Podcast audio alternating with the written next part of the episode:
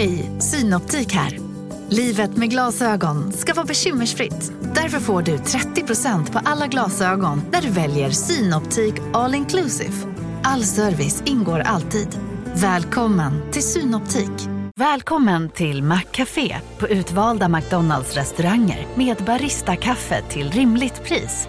Vad sägs om en latte eller cappuccino för bara 35 kronor? Alltid gjorda av våra utbildade baristor. Som medlem hos Circle K är livet längs vägen extra bra. Just nu får du som ansluter dig 50 öre rabatt per liter på de tre första tankningarna och halva priset på en valfri biltvätt. Och ju mer du tankar, desto bättre rabatter får du. Välkommen till Circle K.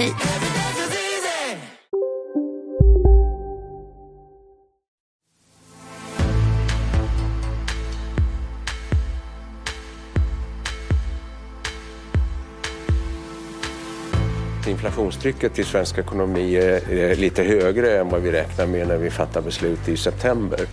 Säkerhetspolisen har under morgonen gripit två personer i en insats i Stockholmsområdet.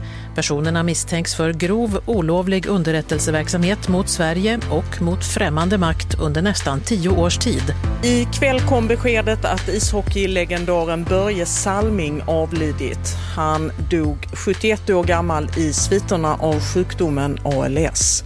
Vi sätter välfärden främst. Vi har en realistisk politik för att stötta hushållen i de tuffaste ekonomiska tiderna på länge. Liberalerna har bett Sverigedemokraterna om ursäkt efter att Liberalernas partiledare Johan Persson refererat till SD som extrempopulistiskt och brun sörja. Vi är ju till för att lösa samhällsproblem. Vi är inte till för att skapa problem, utan vi ska lösa problem.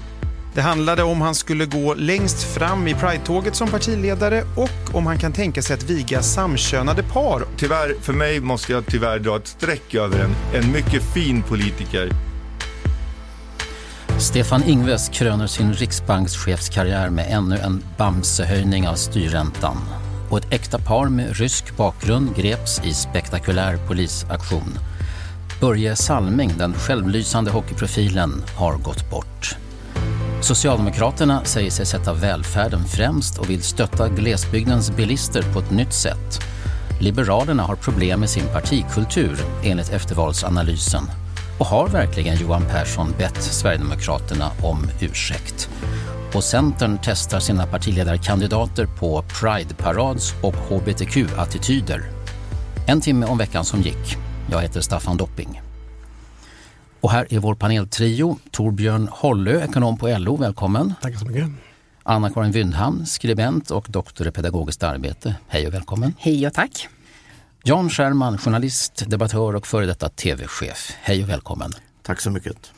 Har någon av er drabbats av snösmockan i början på den här veckan? Mm, jag åkte pulka med min sladdis, min fyraåring. Så att, du har gynnats av snösmockan? Ja, i högsta grad. Eller hon har gynnats. Jag vet inte om jag gynnades. Men, jo, men det var trevligt att åka med henne, absolut. En dag av Zoom-möten blev det istället för att åka in till stan. Och det var ju en, en återknöt bekantskapen med det efter pandemin. Tack vare snön eller på grund av snön beroende på hur man ser det. Nyttig fysträning på balkongen. Jag har skottat i flera omgångar och sen har takskottarna eh, skottat ner på balkongen igen. Så det där har hållit på ett tag. Bra träning. Och igår fick vi en räntesmocka. Ja, Riksbanken höjer alltså styrräntan med 0,75 procentenheter till 2,5 procent.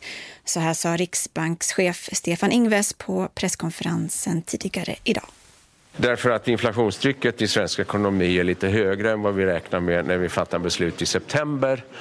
Och då behöver vi höja räntan så pass mycket eh, för att se till så att vi får inflation, ner inflationen eh, under nästa år och kommande år. Riksbankschefen Stefan Ingves på sin hundrade och sista pressträff från Ekot i veckan. För mindre än ett år sedan hade vi 0% ränta från Riksbanken, alltså nu 2,5 procent. Torbjörn Holle, hur mycket fattigare blir vi nu?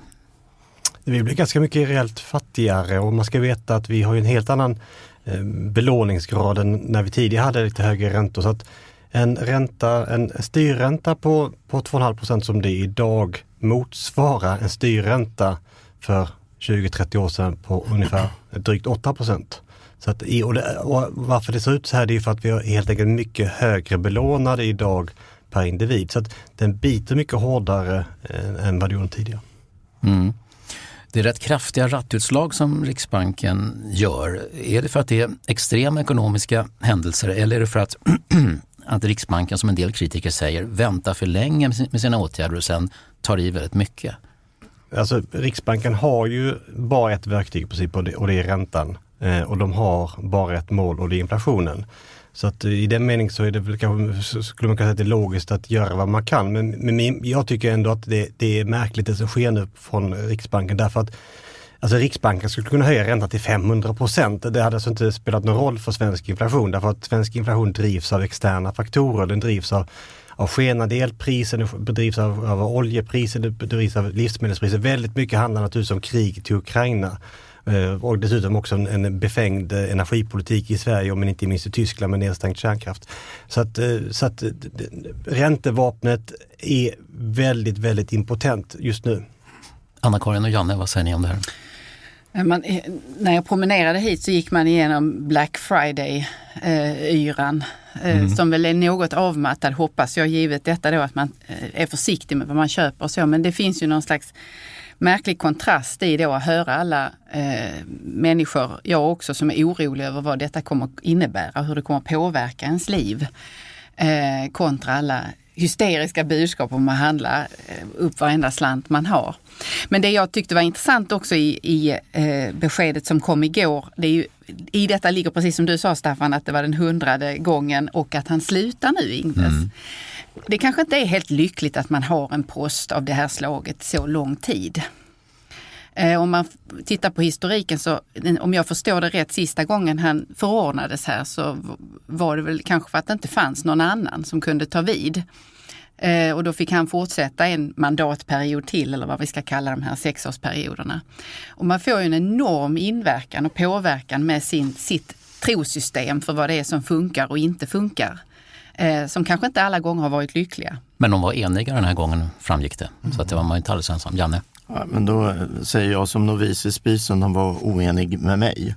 Jag, jag, jag, min pappa var läkare och eh, vi hade mycket diskussioner om att om en patient kommer in och är sjuk så ska man di diagnostisera sjukdomen och sätta in rätt medicin.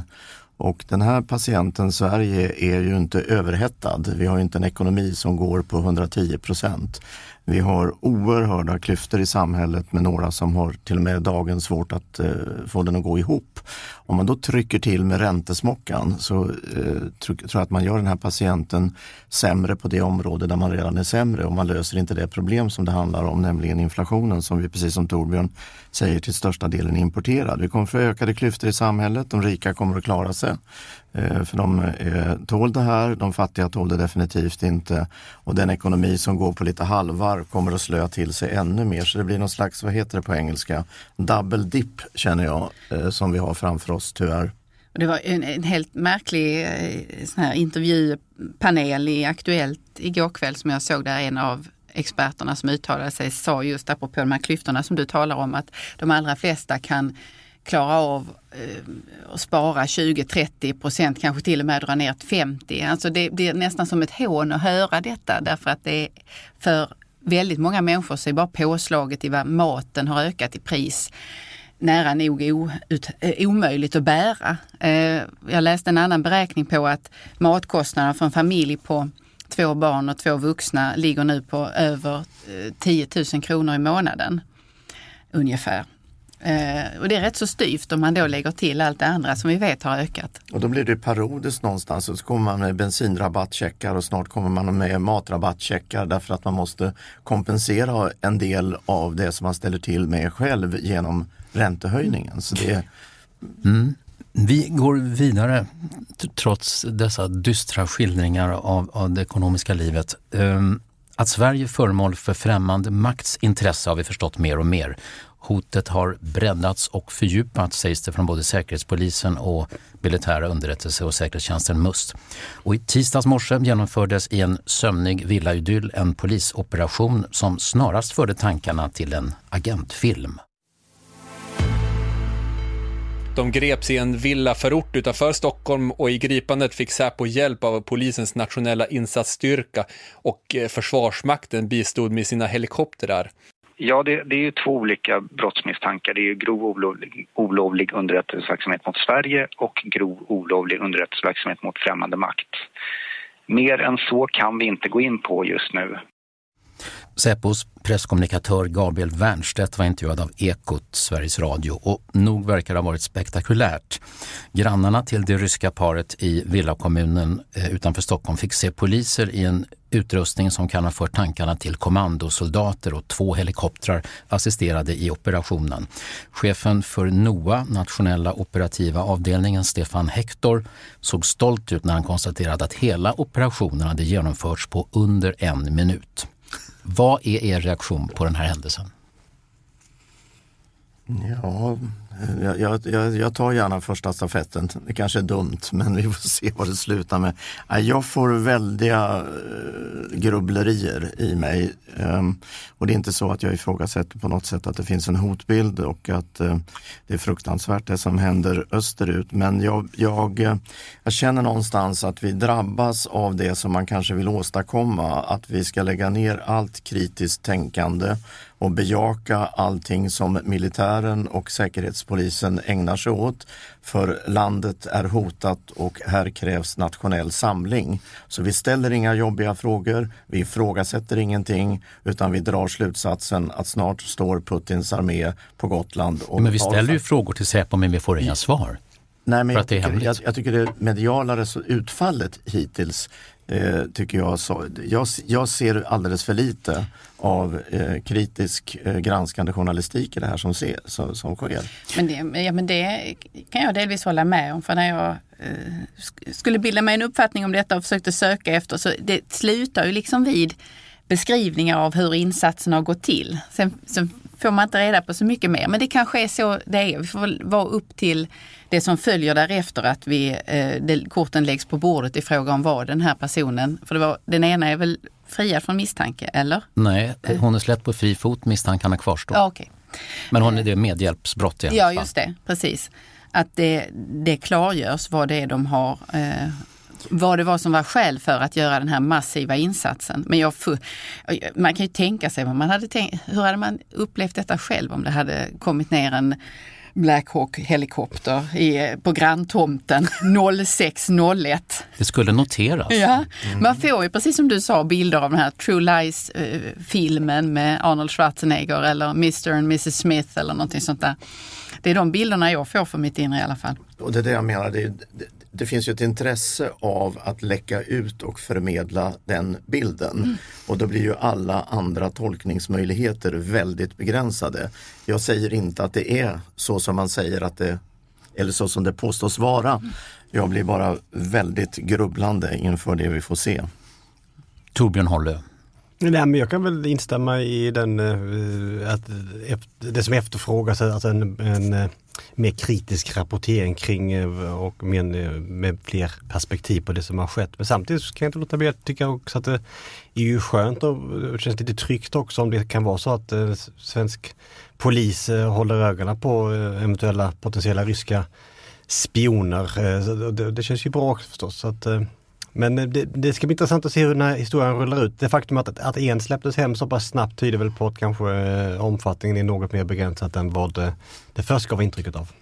På det, på det temat skulle man kanske kunna få tillägga att det finns en del då när det gäller säkerhetspolisens trovärdighet att, att reparera sedan någon spion för ett antal decennier sedan gick ut bakvägen och smet från en permission. Så att jag menar, den där tryggheten har inte infunnit sig i mitt sinnelag riktigt än kan jag säga. Jag har sett en hypotes om att Sveriges kommande leverans av krigsmateriel till Ukraina skulle kunna vara en beståndsdel i det som den här brottsmisstanken gäller. Eh, ja, i så fall så är ju eh, alltså det, det, den främmande makten som de skulle ha hjälpt måste ju rimligen vara Ryssland. Men det är ju både Sverige och främmande makt som, som är föremål för mm. det misstänkta brottet.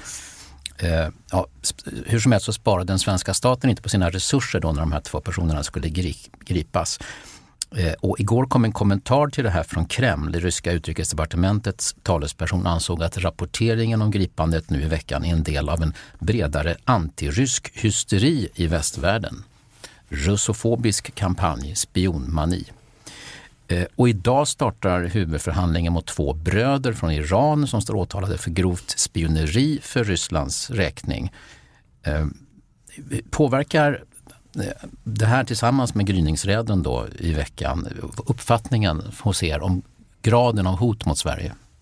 Nej, men alltså det är klart att det är en väldigt eh, pikant situation som Sverige står inför. Att vi har ett eh, mycket aggressivt eh, krigsförande land som ligger bara liksom på andra sidan Östersjön. och det är inte en oväsentlig grupp med människor från Ryssland som har kontakter och befinner sig i Sverige. Så det finns all anledning för, för Säpo att vara uppmärksam. Ehm, och det, det, och det är naturligtvis inte konstigt att Ryssland är intresserad av Sverige givet att vi är på väg in i NATO eventuellt, om Turkiet tillåter det. Ehm, och att vi dessutom eh, också, eh, som, som du spekulerar, också tillför eh, inte oväsentliga vapensystem till Ukraina. Så, så det, det, finns väl en anledning, det, det, är inte, det är inte ologiskt att Ryssland är intresserad av vad som sker i Sverige. Så det, vill, det är väl utmärkt om polisen håller koll på detta. Under de senaste månaderna har ju eh, flera gripanden gjorts i Europa. och gripande av spioner och merparten av dessa har spionerat och Rysslands vägnar. Om jag förstår det rätt. Så att det, det, eh, det kan ju Kreml kalla vad de vill, men det är ju uppenbart att de har spioner ute och eh, bra om dessa plockas in och stoppas. Och i torsdags kväll kom beskedet om att en sportstjärna utöver det vanliga har somnat in.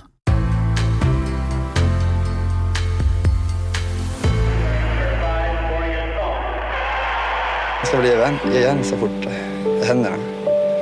Det bara smälla på. Man ska inte vara rädd i alla fall. Ishockeylegendaren Börje Salming har gått bort. Igår kom beskedet att Salming avlidit i sviterna av nervsjukdomen ALS. Börjes ledord har alltid varit ha alltid kul och ge aldrig upp. Börje hälsar att han älskar er alla. Det är bara en vecka sedan Börje Salming i Globen, stödd och företrädd av sin hustru Pia, tog emot Hockeysveriges tack och jubel. I Toronto står han staty. En stor människa på alla plan tycks han ha varit. Eh, den här enorma statusen som Börje Salming har, vad, vad, vad har ni för förklaring till det? Ja, den är välförtjänt tycker jag. I högsta grad välförtjänt. Det finns någonting det finns någonting så fint motsägelsefullt tycker jag med Börje Salming. Han var stenhård på isen. Det sägs ju att han blockade puckar med ansiktet mm. och med armar och ben och fötter och alltihop. Och blev ju en hjälte tror jag i eh, hela världen, vilket vi i Sverige, jag kommer ihåg det här själv. Eh, så gammal är jag, 1967 och Canada Cup. 76 va? Ja, 76, förlåt, mm. jag var 26 år. Mm. Och Eh, när han kommer in på isen och jublet aldrig tar slut. Och som jag minns det så måste han åka av isen och det fortsätter och så tonar det ut. Och sen var han, kontrasten tycker jag, en så ödmjuk och fin människa utanför rinken och entusiasmerade eh, så många tjejer och killar att eh, kliva in i sportens värld. Ovanligt stort. Mm. Han sommarpratade för några år sedan och jag minns ur det hur han berättade att det, vikt, det hade blivit viktigt för honom detta att inte visa när någonting gjorde ont. Så precis som du sa Janne, att han hade alla känslorna i sig och var inkännande och empatisk men att aldrig själv visa någon smärta trots att hockeyn vid den tiden då han var otroligt brutal och saker var tillåtna som inte skulle kunna förekomma idag. Han berättade där i sommarprogrammet om hur när man tuppade av så var frågan om man skulle in eller igen i ringen. Det var frågan om man såg hur många fingrar ser du? Ser du två eller tre? Svarade man bara rätt på läkarens fråga så skickades man in igen. Eh, och sen hade han en, en berättelse om hur han, eh, det var väldigt viktigt att skriva autografer, att aldrig säga nej till det. Eh, för han mindes själv hur viktigt det var för honom att eh, få en sån där autograf från en känd spelare när han var ung. Så mm. han, han ställde alltid upp på det och det säger väl någonting om vilken inkännande människa han måste ha varit. Alltså, han, han, var ju uppenbarligen enormt eh, en ekvilibrist med pucken men alla betonar hur mycket lagspelare han var också, mm. mitt i det. Mm. Är det inte ja. lite antingen eller? Kan man vara Ja, men det, det där igen tycker jag. Det var så, det, det, jag gillar det där motsägelsefulla, att det faktiskt inte var enten eller utan både och.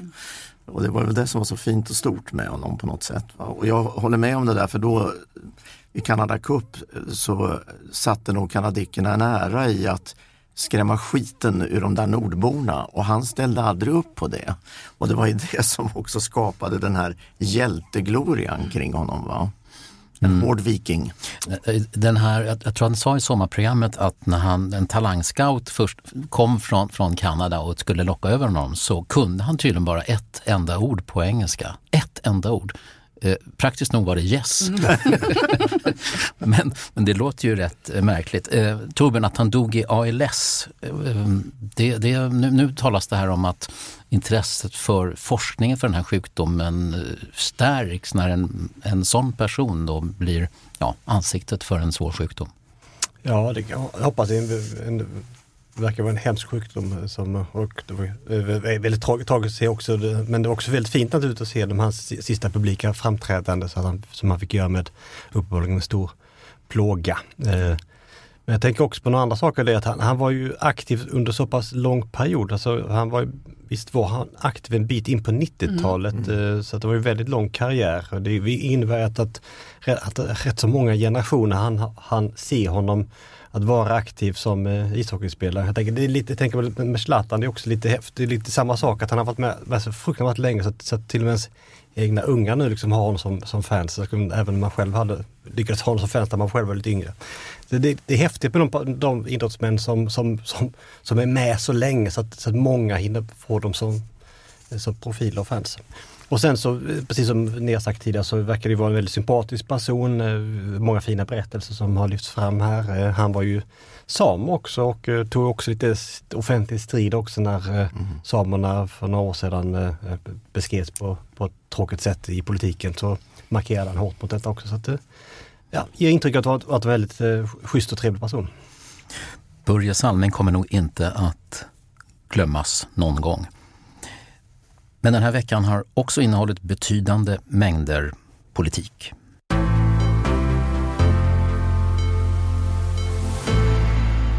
Vi socialdemokrater prioriterar annorlunda för vi vet att vårt Sverige kan bättre. Vi fördubblar tillskotten till generella statsbidrag. Totalt kommer vi i budgeten skjuta till drygt 20 miljarder netto till kommunsektorn nästa år. Vi sätter välfärden främst. Vi har en realistisk politik för att stötta hushållen i de tuffaste ekonomiska tiderna på länge. Mikael Damberg, tidigare finansminister, nu ekonomisk politisk talesperson för Socialdemokraterna. Eh, partiet lovar i sin budgetmotion mer pengar till kommuner och regioner, en ny konstruktion för att stödja bilister med störst behov av bil och med minst tillgång till kollektivtrafik, en tankrabatt som partiet kallar det. Dessutom en tillfällig höjning av barnbidraget och en mindre neddragning av biståndet än den som finansminister Elisabeth Svantesson presenterade för ett par veckor sedan. Janne Scherman, är den här skugg, eh, skuggbudgeten så väsensskild, alltså den från Socialdemokraterna, från den som är regeringens? Jag hade önskat att så vore, om man använder intressanta verb och formuleringar. Jag tycker att det är mycket mer av samma sak fast kanske på ett litet annat sätt. Man har skakat om i den här kakburken och en del kakor är större och andra är mindre. Och jag tycker det där är lite sorgligt men vi, jag vill sätta in det i, eh, i alla fall närmast utan att göra ett långt historiskt perspektiv av det hela. Vi kommer från en valrörelse där man har tävlat med varandra om den bästa bensinrabatten, det mesta elstödet eh, och liknande saker och egentligen tycker jag, bortsett från Sverigedemokraterna, ägnat sig åt en avideologisering av politiken som jag tycker är väldigt eh, trist i de skuggbudgetar som kommer så tycker jag egentligen bara det finns en som skiljer sig från mängden och det är att Miljöpartiet toppar sin lista med en, får man väl ändå säga, ganska kraftfull 100 miljarders satsning på miljöfrågor i fem eller tio års perspektiv. I övrigt så, så har jag väldigt svårt att se de stora skiljelinjerna. Jag skulle vilja avsluta det med att säga för att jag sa tidigare, hur ser det här landet ut? Ja, lite hjälp till stad kontra land. Men fattig-rik, skattepolitik, utjämningspolitik, solidaritet som åtminstone har varit socialdemokratins adelsmärken ser jag väldigt lite av. Anna-Karin Finland.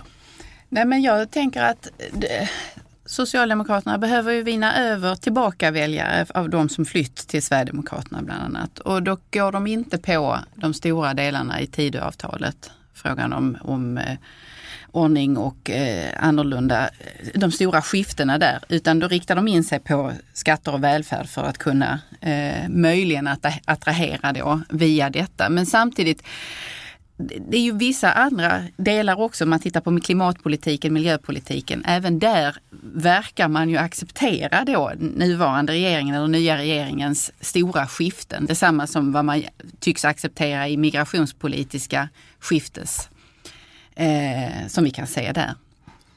Torbjörn Hålle, de miljarder som skiljer S och M i budgetarna, är det det som är skillnaden mellan att satsa på välfärden och att inte göra det? Ja, alltså, skuggbudget är en typ av, en typ av symbol för, för skillnader. Så man ska väl, det har varit lite annorlunda de senaste åren. För de senaste åren så har det faktiskt varit så att eh, oppositionens skuggbudget har ju vid flera tillfällen blivit Eh, gått igenom riksdagen. Eh, så att eh, även 2022 så regerar ju faktiskt, det är redan en, en borgerlig budget som råder 2022 därför att eh, det var en sån budget som, som vann då hösten 2021 och det har även skett tidigare under eh, Socialdemokraternas mandatperiod. Så, det, det, det, mm, så men i det här fallet kan vi, nog, kan vi vara ganska säkra på att skuggbudgetarna bara blir skuggor. De kommer aldrig liksom kommer aldrig inträffa. Skuggor och symboler. Skuggor, skuggor och symboler eh, och, det, och det finns egentligen poäng med det. Jag tycker, väl att, jag tycker att Mikael Damberg gör det relativt habilt men, han, men det han gör är ju väldigt, väldigt väntat. Alltså att vad han gör det är ju att eh, han avstyrker den här eh, höjd, alltså automatiska höjningen av eh, gränsen för när man betalar statlig skatt och i och med att vi har då hög inflation så, så renderar det ganska mycket pengar att, att avstå från den här höjningen. Och så använder han de pengarna för att säga att de pengarna vill ge till välfärden. Och det är ju att försöka skapa någon typ av klassisk konflikt. Jag tycker detta väntat och, ganska, och inte alls på något sätt orimligt men, men, men det, det här, det här, detta är ju liksom det, det som väntar är ju att socialdemokratin måste ju under den här mandatperioden, inte nu, men förr eller senare måste man ju börja visa korten. Alltså vad är det för parti man ska vara? Hur, och det, det, är inne på det syns inte här riktigt tycker du? Nej, alltså, alltså, hur ska man agera på, kring det faktum att, att en tredjedel av Socialdemokraternas tidiga kärnväljare finns nu hos SD. Mm. Vad är strategin för att, tillbaka, för att få tillbaka dem? Anna-Karin? Ja, det, sen så, det här pratet om löftesbrott och så som gick att eh, ha, ha valsats eh, de senaste veckorna och i samband med att skuggbudgetarna presenterades och så. Det blir ju också lite löjligt eftersom att ingen av, precis som du säger, ingen av de här budgetarna skulle kunna gå igenom själv utan då hade det varit avsevärd förhandling som har varit tvungen och tittar vi på eh, C eh, Socialdemokraterna, MP, V, så är de i princip överens om ingenting. Eh, det är så enorma skillnader däremellan. Om eh, Socialdemokraterna satsar 12 miljarder extra i eh, välfärdssatsningar. Vänsterpartiet har 33 miljarder. Eh, och medan Centern vill sänka skatten på arbete och företagande. Så att det är rätt stora grejer man måste komma överens om där någon måste bryta det man lovat i budgeten i så fall. Jag, ty jag tycker, apropå vad, vad ni båda säger, Anna-Karin och Torbjörn, det här är ju, åtminstone i mitt perspektiv, det första bästa tillfället för socialdemokratin att tala om vad man har för vision och berättelse för Sverige. Och det tyckte jag man släppte. Och, det, och visst ska man lyssna på vad väljarna tycker, det är rätt självklart. Men man ska inte göra det in absurdum. Och eh, när Socialdemokraterna försöker bli bättre på SD-politik än vad SD är, så tycker jag man väljer fel väg. Eh, I valrörelsen har det ju ändå skymtat några stora ideologiska frågor. Privatiseringen av välfärden till exempel, klyftorna i samhället och de känns på något sätt borttappade. Man måste börja bygga sin berättelse om vad det är man vill göra med det här landet. Nu gick Okej hörni, gänget! Vad är vårt motto? Allt är inte som du tror! Nej, allt är inte alltid som du tror. Nu täcker vårt nät 99,3 procent av Sveriges befolkning baserat på röstteckning och folkbokföringsadress. Ta reda på mer på 3.se eller i din 3-butik. Hej, Susanne Axel här. När du gör som jag och listar dig på en av Krys vårdcentraler får du en fast läkarkontakt som kan din sjukdomshistoria. Du får träffa erfarna specialister, tillgång till lättakuten och så kan du chatta med vårdpersonalen. Så gör ditt viktigaste val idag, listar dig hos Kry.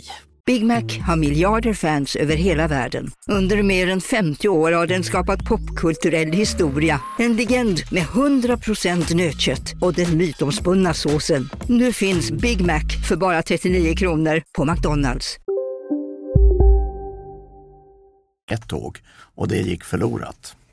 Torbjörn, det är ganska mycket av det som Socialdemokraterna har kritiserat den andra sidan för som man inte gör någonting åt. Nej, men, men, men där, där med, jag håller med Janne i den, i den meningen att detta är ju väldigt mycket liksom en jag, vet inte, jag skulle inte kalla det för förlorad chans, för det var en ganska väntad liksom, eh, alltså, liksom pass. Alltså man, man passar liksom, man, man lägger något för, ganska förväntat, något ganska liksom, eh, alltså, som, som är liksom logiskt att lägga nu. Men, men, men absolut, alltså, det, detta kommer bli helt avgörande vilket, vilket väg, vilken vägval man väljer de, de kommande åren. Precis som, som du är inne på också, alltså att, alltså, alltså, socialdemokratins samarbetspartier, är det, är, det är närmast ett skämt ju. Alltså de, de står ju så långt ifrån varandra. så det, det är ju, alltså Centerpartiet ligger ju way till höger om den nuvarande regeringen. Alltså Centerpartiet lägger förslag om sänkta skatter, man lägger förslag om försämrad a-kassa. Alltså man lägger förslag om att försämra a-kassan till en, till en lägre nivå än vad Moderaterna står för. Eh, och det, det är partiet som, som Socialdemokraterna tänker bygga liksom en, en, en, ett regeringsinnehav på. Det är inte möjligt ju. Nej, jag, jag måste fortsätta håna Centerpartiet lite. För det här förslaget om att eh, man skulle få en liten lapp om man bor ute på glesbygden som man kunde visa upp när man tankade eh, för att få rabatt. Eh, hur det är tänkt att genomföras rent praktiskt. Eh, jag tyckte Martin Åstrand, eller vad han heter, Ådahl, blev svaret skyldig där. Eh, och på frågan om vad skulle hända om man då till exempel säljer den här lilla lappen till någon som kanske är på väg till fjällen eller så. Ja, nej, det var inte så farligt tyckte han då. Det är inte det stora problemet. Så det här är en ny motbok Centerpartiet kommer att införa, för, fast för bensin. Men de kunde ju ha gjort, apropå pass, va? så kunde Centern som är ledarlöst ha sagt pass. Ja. Det hade varit mycket bättre. Men det är värre tycker jag när Socialdemokraterna, som ändå har en ledare, säger pass. Och de som följer Doobidoo vet hur det där kan gå för då förlorar man poäng hela tiden. Va? Skillnaden i biståndet då, vad säger ni om det? Regeringen har ju lämnat det gamla 1% målet för biståndet av bruttonationalinkomsten och i senaste budgeten så ligger biståndet på 56 miljarder per år från regeringen alltså och är frikopplad från BNI. Men Socialdemokraterna har inte heller en procent av BNI eh, för bistånd i sin budget. Man lägger 2,5 miljarder mer än finansministern och det blir 0,91. Torbjörn, alltså, i valrörelsen var Socialdemokraterna tydliga med att det här målet ska behållas. Är det här, är det här också ett löftesbrott? Jag tror att det kommer bli väldigt svårt för Socialdemokraterna att eh, i, i takt med att, liksom, att man kommer längre ifrån från enprocentsmålet i regeringens budget så blir det allt mer kostsamt i de skuggbudgetarna att, att ta sig tillbaka till 1 Så att jag tror inte att vi kommer se socialdemokratiska budgetar som läggs. Sen kommer man möjligtvis behöva skrivningar för att tillfredsställa de delar av partiet som tycker att det här är en väldigt, väldigt viktig fråga. Men det är helt enkelt, det kostar för mycket att ta sig tillbaka till 1 målet så att vi, vi, jag tror att Socialdemokraterna kommer åtminstone i tabeller acceptera den här eh, sänkningen. Men det är de pengarna använder de ju till att föreslå en höjning av barnbidraget istället. Så kan man säga det. Mm. Och, men den är tillfällig bara Ja. ett, i ett kvartal. Men den här tankrabatten då från Socialdemokraterna, alla som äger en bil i Sverige kan få del av stödet men det blir mindre pengar ju tätare och mer stadsnära som man bor. Och det gäller inte alls för de som har höga inkomster. Max 2000 kronor per år om jag har förstått rätt. Med de drivmedelspriser som vi har nu alltså, så låter det inte så kraftfullt för någon som kanske måste köra över långa avstånd många gånger i veckan. Nej, men det, det är ju det som är dilemmat i allt detta, för att återknyta till vad vi inledde med att tala om räntehöjningen. Eh, där det är så, på så många flanker som den ekonomiska krassa verkligheten för familjer och människor boende i Sverige ändras nu. Att de här små dusörerna förändrar ju ingenting egentligen. Utan det är som du sa, om det är 2000 kronor hit eller 200 kronor i barnbidrag. Det, det, det, oron över hur ekonomin ska gå ihop för väldigt många kvarstår. Det Som blir- jag ser det med de här förslagen. Det blir ju också så med, den med det tempo som är att varje typ av förslag för livsmedelsrabatt eller bensinrabatt eh, kommer att ha obehagliga baksidor. Några som är inte förtjänade kommer att få pengarna och då får man välja tycker jag. Om snabbhet är viktigt, då får man ta baksmällarna.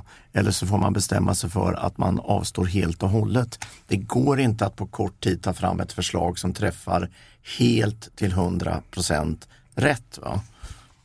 Ja, eh, jag saknar någonting i, Sverige som finns i andra länder, eh, i ganska många länder. I USA heter det, heter det ju Joe Bidens politik eh, Inflation Reduction Act, alltså att man lägger liksom ett brett politiskt program med olika typer av, inte minst investeringsåtgärder som syftar till att knäcka inflationen. Idag så har vi liksom helt sagt till att det är bara Riksbankens uppgift. Alltså jag tycker att det borde vara, även vara eh, politikens uppgift. Jag kan tänka mig många åtgärder som skulle kunna ha en inriktning. Jag kan tänka mig man skulle kunna tänka alltså investeringsprogram för egen energiproduktion, investeringsprogram för att eh, satsa på bristyrkesutbildningar, investeringsprogram på att uh, underhålla infrastrukturen så att det flyt, flyter på bättre, skrotningspremie för eh, för fordon som, som drivs av mycket, som har, som, är, eh, som, som har hög bensinkonsumtion.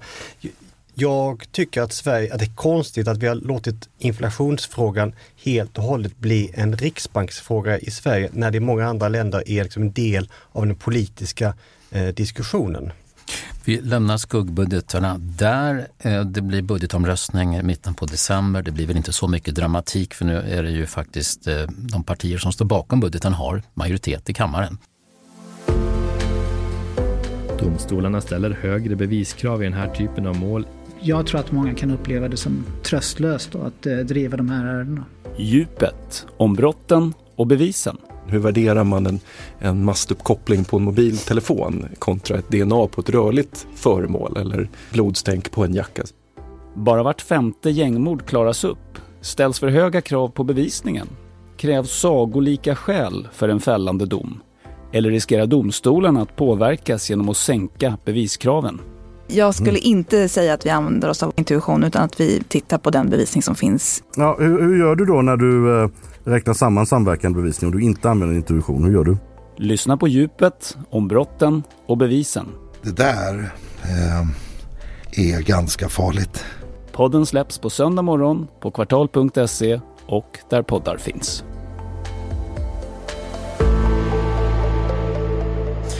Men så har vi ju regeringspartiet Liberalerna och där verkar det vara allt annat än lugnt.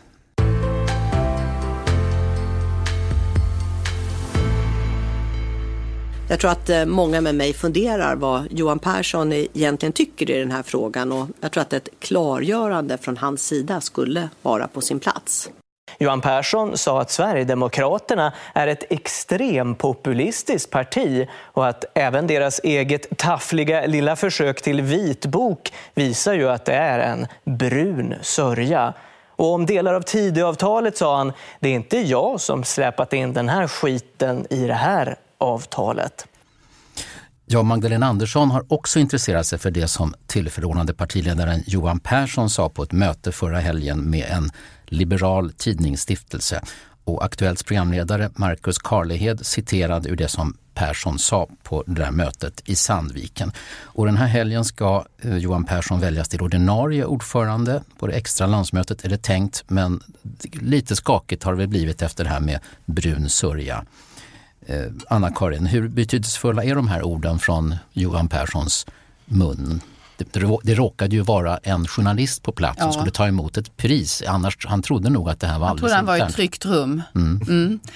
Eh, nej men det, det är olyckligt, eh, obetänksamt, eh, impulsivt. En del av det här tror jag också är det som Liberalerna själv ser som Johan Perssons styrka, nämligen det, det här att han, eh, han hittar dramatiska liknelser, och han är ganska eh, järv i sina ordval och ibland blir det vitsigt och roligt och det gick hem i valrörelsen. Läser man eftervalsanalysen så är de ju mycket stolta över att han hade humor och att denna humor gick hem, dock ej hos akademiska kvinnor. Det står också. Denna grupp nådde man inte med denna humor. Eh, men det är väl den där impulsiviteten Eh, och obetänksamheten som biter honom här. Det finns en särskild passus i Tidöavtalet som man nu har valt att kalla överenskommelsen för eh, som slår fast att de fyra partierna som har skrivit under ska tala om varandra på ett respektfullt sätt. Eh, Torbjörn, har Johan Persson brutit mot Tidöavtalet? Ja, i och med att han uttalar sig något, i, i, alltså, mellan lyck, alltså med lyckta dörrar så får han får väl säga vad han vill i sådana sammanhang. Men det är klart att det här, detta, detta kommer ju från någonstans. Det, det är så här han tycker. Det, det, det, är väl uppenbart och det är väl så här de flesta i Folkpartiet tycker om, om det hela. Och, Nej, det tror jag inte. Tror du inte det? Nej, det tror jag inte. ja, ja, ja, Men det kan vi diskutera sen. Mm och, och, det talar väl också för att den, det här avtalet har väl en, en relativ, jag tror det kommer, det kommer kanske kunna hålla nästan hela mandatperioden men, men, men det, jag tror inte att vi, det är ingen ny, det, alltså jag tror inte det är ny, att de här partierna kommer inte samarbeta för evigt kan vi nog ganska säkra på, alltså de, de tre regeringspartierna och SD och det, det indikerar uttalandet. Eh, nu, strax vill jag höra vad Janne säger om detta, men innan du berättar det så ska vi konstatera att Johan Persson gästade SVTs Morgonstudion för bara några timmar sedan och kommenterade då uppstånd, eh, uppståndelsen runt hans ord. Eh, jag är noga med att försöka säga saker som, som det är. Vi, vi var på ett möte, jag pratade på ett möte i över en timme. Det här har hårdkokats. Eh, och eh, jag använde ett uttryck om eh, Sverigedemokraterna när de bildades. De har ju själva skrivit en vitbok om detta. Det visar på en ganska problematisk historia vid det här tillfället. Så det är väl det som är lösryckt. Det är väl det som är lösryckt. Är det det här man kallar reträtt under rökutveckling?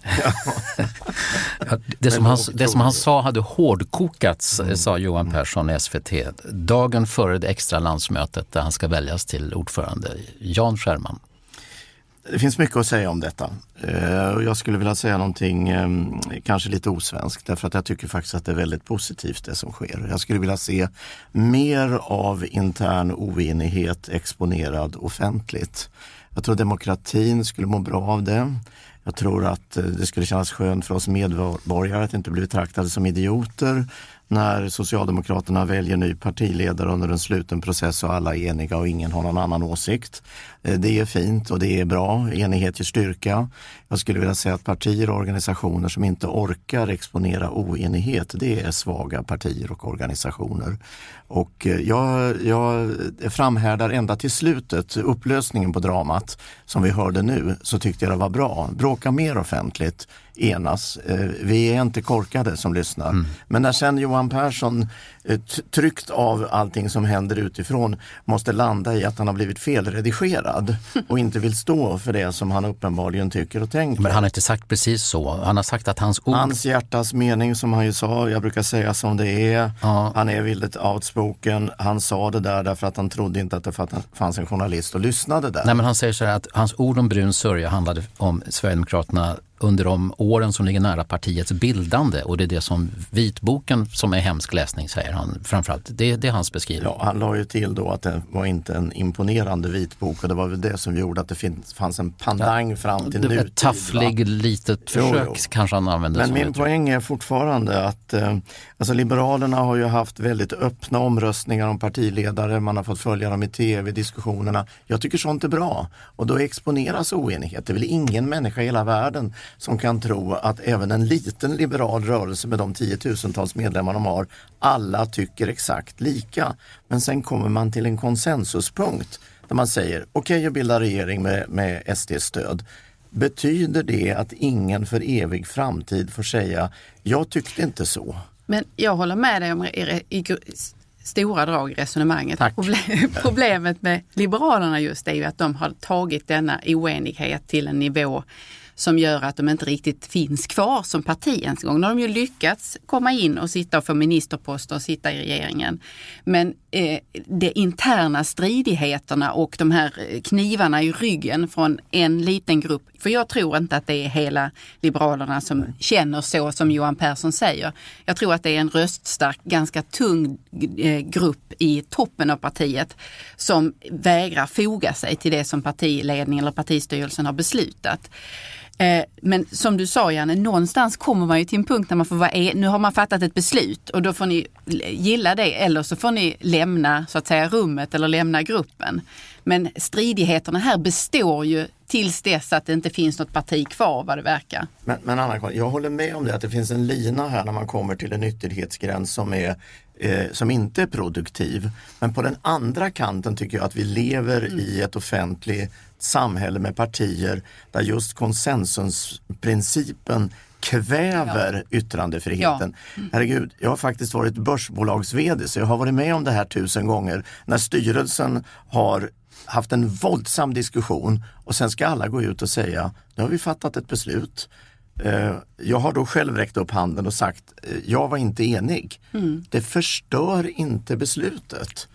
Eh, och vi skulle behöva komma lite mer åt Liberalernas frispråkighet, inte hela vägen. För den här veckan har det också kommit en, en eftervalsanalys och den är, är, ju inte nådig, Torbjörn, mot hur partiet har fungerat. Och man menar att den här interna partikulturen behöver förändras om Liberalerna ska överleva som parti. Det är en dysfunktionell organisation med dålig förmåga att hantera både konflikter och ta hand om medarbetare och partimedlemmar, säger den här analysgruppen. Och jag vet inte exakt vad den syftar på när det handlar om det senaste debaclet. Vad säger du om det här? Men alltså, jag tänker att det är liksom det Folkpartiets hela DNA är att vara i strid med varandra. Alltså det, finns ju, det finns ju alltid lika många folkpartier som det finns folkpartister. Alltså det, liksom- det, det, alltså så har väl de, partiet har väl alltid varit så. Uh, och jag, jag, jag, har svårt att tänka mig att man kan reformera bort detta för det, liksom det, det, det, det är vilka de är. De är liksom, så blir de arga, så slår de i dörrar, så blir de ledarskribenter och skriver arga. Mm. Alltså det faktumet att det är flera för detta folkpartistiska liksom, partiledare som inte ens röstar Folkpartiet. Alltså det, det är liksom, det, alltså de har offentligt deklarerat liksom, att, de, att, de, att de ska inte rösta på partiet. Det skulle inte ske i ditt parti menar du? En sån, att en det, det skulle inte ske i de flesta partierna. Alltså, det, det är löjligt ju. Det är löjligt men, ju, att, vara partiledare för parti och sen, och sen offentligt deklarera att man inte ska rösta på det. Nej men det, det, finns ju en historia av att man kallar det docentpartiet och att det finns någon slags akademisk eh, eh, logik i hur de förhåller sig, att det ska vara eh, att ifrågasätta och att ha ett kritiskt samtal högt i tak och så. Det var det som kännetecknade partiet så att det var inte någonting som man såg som illojalt att ifrågasätta utan tvärtom, det var det som var dynamiken i partiet. Men mm. när det, det, i min tolkning, det som eftervalsanalysen far efter och det man kan se bara som att följa det vid sidan om, det är ju att det här eh, internkritiska samtalet eh, muterat till att istället handla om den falang som faktiskt eh, adresserar verkligheten och problem i verkligheten och den som håller fast vid vad jag kallar då någon slags seminarieliberalism som har väldigt lite att göra med hur eh, verkligheten är beskaffad och de problem som medborgare och potentiella väljare upplever i den. Och då kommer man till det där igen. Jag tycker det är fantastiskt att man får läsa detta partis eftervalsanalys. Det är ju inte alla partier som släpper ut dessa i offentligheten.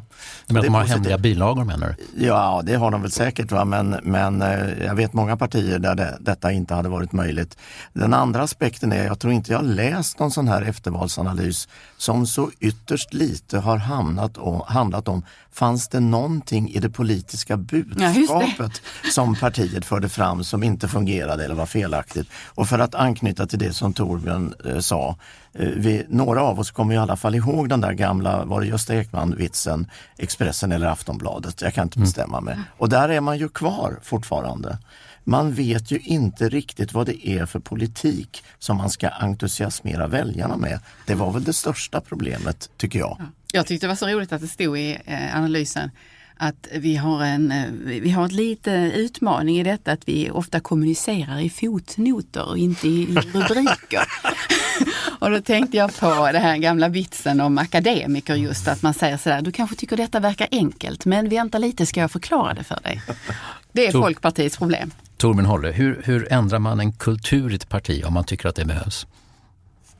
Nej, men jag, alltså jag, jag var ju lite skämsam innan men, med att det finns lika många Eh, så som det är folkpartister. Men, men, jag, tror, jag, men jag är också allvarlig. Alltså jag, tror inte, jag tror inte att det går att ändra. Alltså det, det, de, alltså de, de har ju hundra år hållit på så här. Alltså det, de har alltid haft liksom rejäla falanger. Alltså, men, eh, de har haft, eh, men jag tänkte, alltså Per Gahrton var väl med i Folkpartiet? Och var Folkpartiet Han har väl varit med nästan ja, all... Ja, förvisso. Ja. förvisso. Men, men alltså de, de, har ju, de har ju rymt alltså, så många olika typer av personer, både liksom på högerkanten och på vänsterkanten.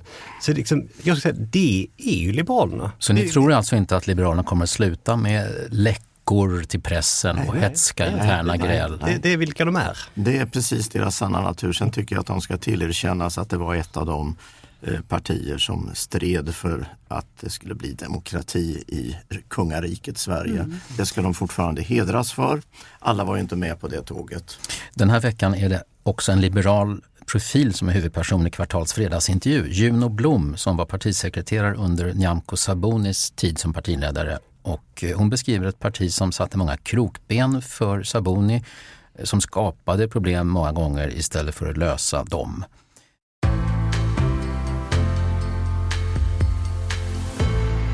Jag är stolt över att vi är ett parti där vi tycker olika och ger uttryck för det. Men ibland kan man fundera över var man säger det och varför man säger det och hur man säger det. Liksom. Och ibland tänker jag, precis som en hederskultur, så, så ibland, där skapar man ju mer problem än löser problem. Och ibland kan jag uppleva att politiken är liknande. Inklusive ditt eget parti? Ja. Var folk taskiga mot henne? Ja, några. Ja, hur fungerar ett parti där, där människor på ganska hög nivå kan vara taskiga mot sin partiledare? Eh, ja, men jag tror det där finns i, finns inte det i andra partier också? Tror inte ni det? Kanske inte mot partiledaren, det är det som är, är grejen här. För jag menar, jag tänker på sådana här uteslutnings... Eh, när någon har avvikit i hur de skulle gå och rösta och sånt där så utsätts man för eh, mobbingfasoner och liknande i riksdagsgruppen. Det tycker jag man har hört vittnesmål om. Men i övrigt är detta väl något som sluter an till det vi talade om tidigare, att det här är en sjuka inom partiet som har blivit, blev värre under förra mandatperioden och som drabbade Nyamko Sabuni. Det finns, det, finns väl, förlåt, det finns väl latent i alla strukturer som består av mer än två personer att sånt här förekommer. Privata företag, offentliga organisationer och partier. Jag tycker det lilla vi hörde nu så måste jag säga att alltså det blir otroligt intressant när, när ehm, Juno pratar så mycket om taktik, spel och hur hemskt det är. Och sen säger hon själv att man måste ju reflektera över eh, vilken taktik och hur man ska göra.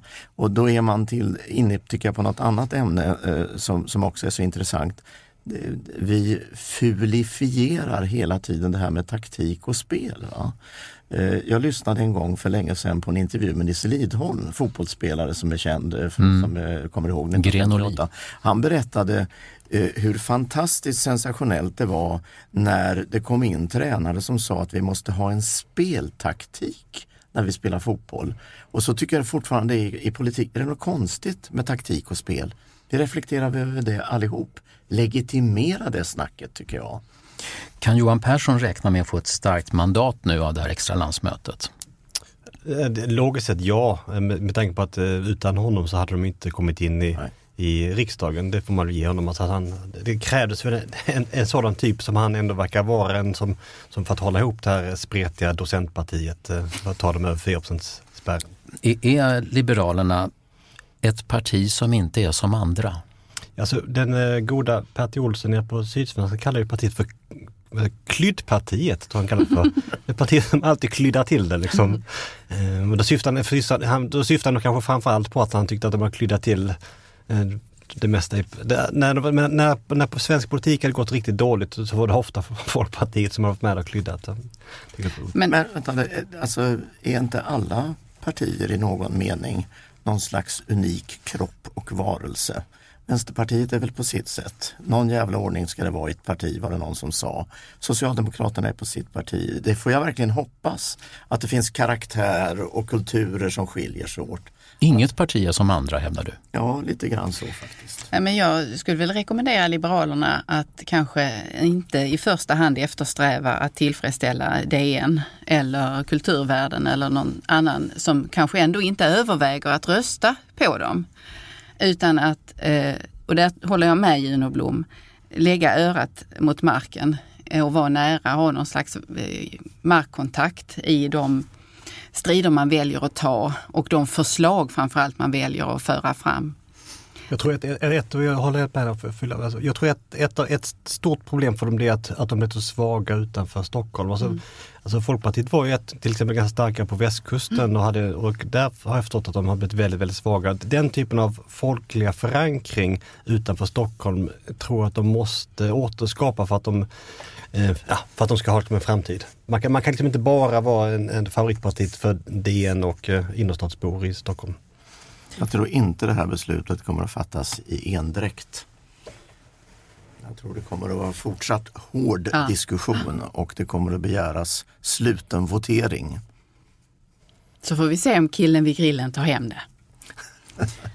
ja, men det är ju sympatiskt, han gillar ja. korv. Det ja. tycker jag är bra. Mm. Och här får jag säga tack till de av vår poddpublik som inte är kvartalprenumeranter. Det sista ämnet i veckopanelen är exklusivt för dem och vi hoppas förstås att ännu fler ska teckna en prenumeration för att få hela upplevelsen. Det som prenumeranterna nu ska få är frågan om en centerpartistisk partiledare kan svara annat än självklart ja på frågan om personen vill gå främst i Prideparaden och också viga samkönade par. Är man rökt om man vill fundera lite på frågan? Stort tack till veckans panelister Anna-Karin Wyndhamn, doktor i pedagogiskt arbete, Janne Scherman, diversarbetare inom journalistik och debatt och Torbjörn Hollo, ekonom på LO. Tack så mycket. Tack. tack. Ja, som ni vet så är Kvartal numera en sajt som lever på prenumerationsintäkter i kombination med reklam i poddarna och i viss utsträckning sponsring. Och det betyder att en del av materialet inte är öppet för alla. Men det är inte så att en viss artikel alltid är antingen öppen eller låst utan det där kan variera Tipset är förstås att prenumerera, men oavsett hur ni gör så får ni här några tips av mig. Dels fredagsintervjun med Liberalernas tidigare partisekreterare Juno Blom förstås. Det är Cecilia Garme som gör intervjun och Juno Blom berättar bland annat att när Nyamko Sabuni blev partiledare var det en del personer som inte accepterade det ledarskap som blev valt. Juno Blom kommenterar också januariavtalet och beskriver uppgörelsen lite som att sammanföra jordgubbssylt med lövbiff. Det blir inte så smakligt och hon ser en del paralleller mellan politiken och en hederskultur. Soldater som strider, hur viktigt är det att de är intelligenta? Det här är temat i en essä den här veckan av läkaren Erik W Larsson. Vad händer när allt mer sofistikerade vapen hamnar i händerna på stridsgrupper där man är tvungen att rekrytera svagbegåvade? Frågar sig Erik W Larsson. Läs den här texten, Dagens osmarta soldater, med exempel från både USA och Ryssland. Apropå fotbolls-VM, islamologen Leif Stenberg skriver om fotbollens betydelse i Mellanöstern där sporten tas i bruk av politiska och religiösa ledare för att vinna prestige och makt. Fotboll mellan politik och religion. Och idag lördag har vi publicerat en kulturtext av Anna Axfors igen. Det handlar om hur man kan bli en förälder som är bra både för barnet och för sig själv. Anna Axfors har läst nya föräldraskapsböcker och är väl inte direkt imponerad men i en målning hittar hon tröst faktiskt. Rubriken på essän är “Man får bete sig dåligt med sitt barn”. Och eftersom vi är nära ett månadsskifte så är det återigen dags för Kvartals nya poddformat Djupet. Om brotten och bevisen. Bara vart femte gängmord klaras upp ställs det för höga krav på bevisen. Med fyra personer som vet vad de talar om. Djupet publiceras söndag morgon. Så då vet ni vad ni kan både höra och läsa från Kvartal, det lilla mediehuset som växer sig allt större. Jag tillönskar en angenäm helg och tänd gärna ett ljus, eller två, men glöm inte att släcka också. Jag har orsakat två ordentliga bränder själv så jag vet hur farligt det är. Men i övriga frågor får ni gärna tänka själv. Tack för idag.